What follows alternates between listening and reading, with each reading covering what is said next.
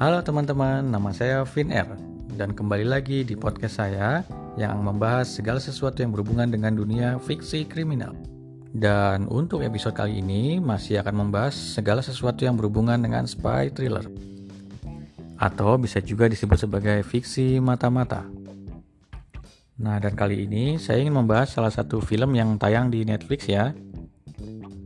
Yaitu judulnya Caliphate atau Khalifat. Adalah film thriller dari Swedia.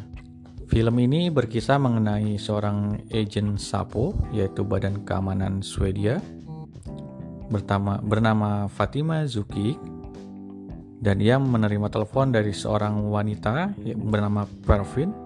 Pervin ini adalah seorang istri dari pejuang ISIS di Suriah. Pervin menemukan bahwa kehidupannya tidaklah seindah yang diharapkan ia hidup dengan seorang pejuang ISIS dan memiliki seorang bayi.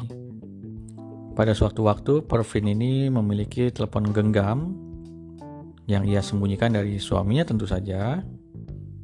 Lalu diam-diam dia mulai menghubungi seorang agen Sapo yang ada di Swedia bernama Fatima. Dan pada akhirnya Fatima dan Pervin mulai mengadakan obrolan yang intens dan tentu saja Pervin diam-diam ya untuk bertelepon dengan Fatima karena penggunaan telepon di daerah Raqqa, Suriah yang dikuasai oleh ISIS pada saat itu tentu saja dilarang. Sementara sang suami, yaitu suaminya Pervin, dia itu adalah seorang anggota ISIS dari Brigadi Ottoman. Brigadi Ottoman ini adalah isinya para pejuang yang berasal dari Eropa orang-orang kulit putih dari Eropa yang ada di ISIS ini adalah orang-orang yang istimewa. Mereka boleh punya laptop, boleh punya ponsel, dan banyak lagi keistimewaan lainnya. Intinya mereka dianggap istimewa di Raqqa. Tidak saja hanya dari sudut pandang Pervin dan agent Fatima, namun juga di sini menceritakan bagaimana cikal bakal seseorang menjadi radikal banyaknya para gadis remaja yang bermimpi untuk pergi ke Suriah. Mereka selalu mengatakan motifnya adalah agama. Namun, pada faktanya, di film ini diceritakan bahwa sebenarnya mereka punya motif lain selain agama. Salah satunya adalah pencarian jati diri. Kemudian, alasan lainnya adalah mencari jodoh. Mereka ini menganggap bahwa para pejuang di daerah konflik adalah lelaki-lelaki gagah, tampan, dan terlihat keren saat memegang senjata.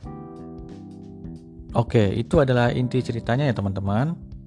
Film ini totalnya berjumlah 8 episode, menggunakan gaya bercerita yang mengalir, narasinya yang enak, dan tentu saja ini lebih ke drama ya. Jadi kalau teman-teman berharap ada adegan baku tembak tentu agak sulit atau adegan kejar-kejaran misalkan ini bukanlah uh, tipe film yang demikian. Film ini saya acungi jempol ya karena sangat realistis dan terlihat sangat ya realistis. Dari film ini kita juga banyak belajar dan jangan melihat film ini sebagai propaganda Eropa terhadap pergerakan Islam yang radikal. Tapi moral dari film ini ingin mengatakan bahwa bahaya radikalisme itu sudah ada di depan halaman rumah kita sendiri. Nah, akhir kata saya kasih bintang empat setengah ya dari 5 untuk film berjudul Kalipet ini. Dan saat ini masih hanya terdiri dari satu season dengan ending yang sepertinya masih menggantung ya. Apakah nanti akan ada season keduanya? Yuk kita tunggu aja.